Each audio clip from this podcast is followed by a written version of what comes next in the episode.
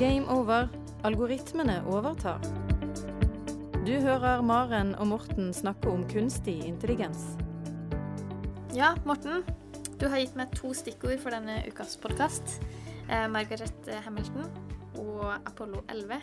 Nå er jeg spent. Ja, det er sant, ja. Sist gang snakket vi om at det, det var en algoritmenatt, hvor det er 40 år hvor nesten ingen jobbet med kunstig intelligens. Mm. Eh, midt i den algoritmenatten så, det, så kommer Margaret Hamilton fram. Hun jobber ikke så mye med kunstig intelligens, men jobber med veldig viktige algoritmer. Og uh, Apollo 11 er jo månelandingen og sånt. Så hvilke navn er det du tenker på du, hvis jeg sier månelanding og Nei, jeg tenker jo på disse her Neil Armstrong og Buzz Aldrin og disse mm. her. Mm. Ja, Første og andre mann på månen. Riktig. Så, ja, ja, så det er det alle tenker på. Eh, kanskje noen tenker på John F. Kennedy, som prøvde å sende folk til månen. Ja. Som finansierte Og månelandingen skjedde jo midt i den kalde krigen. En av de kanskje viktigste hendelsene i kalde krigen som virkelig demonstrerte at USA ledet over Sovjetunionen i den kalde krigen.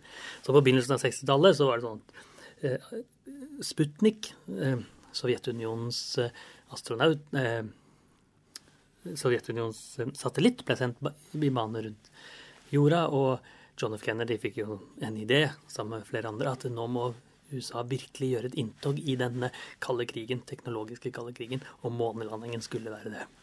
Og da kjenner alle at ja, det var noen som reiste opp, og Neil Armstrong var først, og Buzz Aldrin var litt etterpå. og Visstnok så var det litt krangel om hvem som skulle være først. Ikke sant? Stemmer ikke? Ja, jo, det har vi gjort. Ja. Men en som spiller en virkelig virkelig rolle, eh, kanskje enda viktigere enn de to, er en som heter Margaret Hamilton. Og Margaret Hamilton hun var programmerer. Hun lagde algoritmer. Det var hennes jobb. Ei dame på den tida. Det er spesielt å tenke på i dag. ja, kanskje du kan si det. Eh, så det er jo eh, Ada Lovelace, som vi snakket om mm. for noen uker siden, mm. hun var jo også kvinne. Så ja. det, jo, det, domineres egentlig av kvinner så tidlig. Eh, jobber, så Margaret Hamilton var jo en matematiker, som alle vi har snakket om hittil. Var, hun var jo ferdig å studere med sin mastergrad i 1958 og hadde egentlig lyst til å gå videre med en doktorgrad.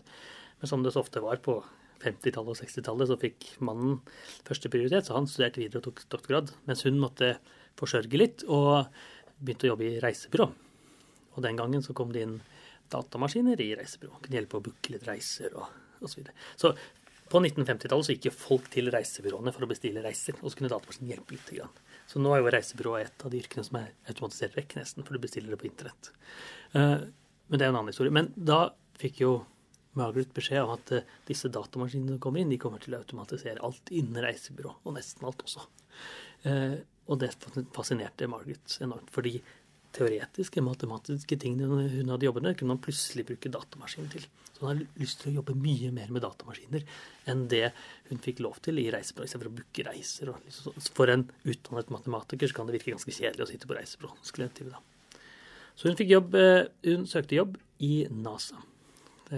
De som sendte Apollo 11 og disse månelandingene ut. Eh, og hun fikk siden hun var matematiker, så skulle hun jobbe med å lage noen algoritmer for noen av de testrakettene som sendtes ut. Og siden hun var ny og, eh, og så videre, så, så, var tanken at hun kunne lage en algoritme som ikke var så enormt viktig. For det, og tanken var at hun kunne lage en algoritme, et dataprogram, som kunne hjelpe til hvis noen av de virkelig store innen NASA hadde beregnet feil. Så hvis noen av de Kanskje raketten kjørte feil vei, eller noe, så var det viktig å kunne si ifra hvis noe skjedde. Men ikke så viktig at vi, at vi tar det til noen av de store mennene innen NASA. Så det er ikke liksom Margaret Hamilton jobber med, var tanken. Og, så hun fikk da, i de første årene hun jobbet der, første måneden årene, en oppgave om å lage en algoritme som var sånn at oppdaget hvis noe begynte å feile. Da skulle den si ifra. Og i en av testkjøringene så var det sånn at eh, noe begynte virkelig å feile. Det man ikke trodde kom til å feile, begynte å feile. Og Margaret sin algoritme ble satt i gang.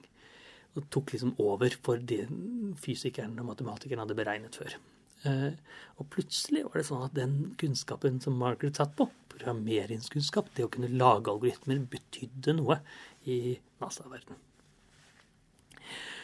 Og hun fikk mer og mer ansvar, og til slutt så det, begynte man å bli klar for å lage Apollo 11, den som faktisk kjørte til månen. Hun gjorde mye før det også. Og hun lagde bl.a. en algoritme som hun kalte Forget It. Og den Forget It-algoritmen, tanken var der at eh, hvis datamaskinen som var om bord på Apollo 11, hadde for mye å gjøre, så skulle det være sånn at den skulle nedprioritere de oppgavene som ikke var så viktige. Den skulle liksom glemme de oppgavene som ikke, ikke var så viktige. Og så nok en sånn algoritme som ikke var sånn essensiell. Det var ikke sånn at den kjørte rett mot Det var ikke den som beregna hvor månen skulle være, eller hvilken bane den skulle være, men det var visst at maskinen hadde for mye å gjøre. Så skulle den begynne å si ifra. Nå er det noe som skjer. Nå er det noe galt. Nå skal vi sette i gang. Og Margaret ga den navnet Forget It. Programmerte den. Og, en, eh, og, den gang så programmerte man jo med eh, switcher. Man tok sånn 1 og 0 og inn i datamaskinen. Så først så skrev man egentlig hele programmet på papir. Eh, og så, etter man har skrevet på papir, så programmerte man inn i datamaskinen. Man skrev ikke på statur og sånn, man skrev på papir, og så programmerte man inn og opp og ned switcher. Og veldig tungvint måte å jobbe på. Og Margaret sin algoritme var jo til sammen 17 bøker med håndskrevne notater som hun programmerte, da. Hun og hennes team. Så det er et ikonisk bilde hvor hun har tatt alle bøkene hun har programmert før Apollo 11, og den er til og med litt høyere enn henne selv. Hun har programmert liksom en stack med bøker. Kjempestor stack med ja, det er helt vilt. Uh, og Forget It var en av de algoritmene. Ja. som skulle prøve å finne ut hvis noe var feil. på den måten. Og litt før Apollo 11-historien kjenner vi alle. Den kom jo til månen, og Neil Armstrong går først, og Buzz litt etterpå. Men et par minutter, jeg tror det var to minutter før Apollo 11 skulle lande, så eh, begynner datamaskinen på Apollo å pipe. Og det som piper, er forget it-algoritmen til Margaret. Det ser ut som datamaskinen har altfor mye å gjøre. Den har gitt den for mange oppgaver. Og nå, det, nå, begynner det å være viktig for datamaskinen å prioritere. Det å lande er liksom viktigere enn å gjøre de litt mindre tingene som, er, som den også var satt til å gjøre. Så det begynte å pipe. Ingen var klar over Neil Armstrong og Buzz Aldrin og de som var om bord, eller de som var i Houston, de visste ikke at datamaskinen hadde for mye å gjøre. Så forget it-algoritmen begynner å pipe to minutter før. Og da, får, da må Neil Armstrong opp og skru av noen oppgaver som ikke er så viktige. Det viktigste er nå å lande, så ikke vi krasjlander i månen, f.eks. Hvis Apollo 11 hadde krasjlandet i månen, så hadde jo kanskje hele den kalde krigen gått annerledes. Så hvis vi ikke hadde hatt den algoritmen, så hadde mest sannsynlig Apollo 11 krasjlanda? Fordi maskinen hadde hatt for mye å gjøre? Så hvis man ikke hadde hatt noe forget it-algoritme, mm. eller noe lignende algoritme, så kunne veldig fort den eh, romraketten kjørt rett inn i månen, eller gjort, ikke hatt tid til de virkelig viktige beregningene, som er å lande. Så det er helt rett. Hvis ikke den hadde eksistert, så kunne vi gjerne ha krasjlandet på månen. Og Da hadde ikke Neil Armstrong og Aldrin gått ut månen, og de hadde i hvert fall ikke kommet tilbake igjen heller. Og det er i hvert fall ikke sånn at uh, Sovjetunionen hadde kunnet tape månelandingskampen. Da. Så der satt jo en hel verden spent og så på en romrakett som reiste til månen. Landet helt perfekt. Ingen har hørt om Margaret Hamilton. Det alle har hørt om, er jo Neil Armstrong og Buzz Aldrin, som eh, gjorde mye, men de gikk ut av måneraketten. Gikk sine første steg på der. Men den som hadde programmert i hvert fall de aller viktigste algoritmene i den romraketten, det var Margaret Hamilton. Du hører Maren og Morten snakke om kunstig intelligens. Har du spørsmål til Maren og Morten, send en e-post til gameover.alfakrølluia.no. Så Margaret Hamilton krever jo i hvert fall like mye uh, praise, like mye Kred, stolthet, ja. kred, som Neil Armstrong og Buzz Aldrin. Ja, absolutt. Si. Men som du sa, du har ikke hørt om henne før jeg begynte å snakke om henne. Nei. Uh, men alle har hørt om Neil Armstrong og Buzz Aldrin. Ja, absolutt. 50 år etter så fikk hun en medalje av Obama. Det måtte gå så lenge før hun begynte å kredde. Fikk en egen Lego-figur hvor sånn, du kan kjøpe en Margaret Hamilton. Men det har Neil Armstrong og Buzz Aldrin også Lego. Du kan ja. kjøpe dem. Men uh, det, det er det. Så det viser at også den vi snakket om i, for et par episoder siden, at andre verdenskrig var en algoritmekrig. Algoritmene betydde virkelig mye under andre verdenskrig for å dekryptere disse hemmelige tyske meldingene. Også den kalde krigen er en algoritmekrig, hvor det å alg kjøre algoritmer for å gjøre de teknisk vanskelige tingene, som å lande på månen, betyr noe. Betyr noe virkelig mye.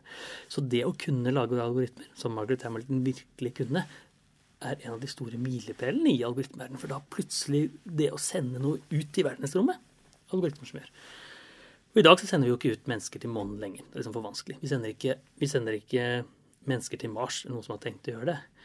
Men vi sender roboter til dem. Og disse er jo roboter som er fulle av algoritmer. Mm. Noen av de er eh, oppskriftsalgoritmer, sånn som Margaret Hamilton jobbet med, men også mer kunstig intelligens-algoritmer. Så det å sende roboter til Mars, f.eks., det gjør vi. Det er mye enklere enn å sende ekte mennesker. Og Margaret Hamilton var en av de store pionerene. Men en pioner du kanskje ikke har hørt om før i dag. Så har vi fått noen eh, lytterspørsmål siden sist. Vi har fått en del spørsmål, ja. og det kommer stadig inn eh, flere. Stor pågang. Så eh, send inn hvis, er noe, hvis, det er noe dere lurer på, eller vil gi oss tilbakemelding på. Gameover.ua.no. Ja. Så bra. Takk for i dag. Du har hørt podkasten Game Over med Maren og Morten, produsert av Universitetet i Agder.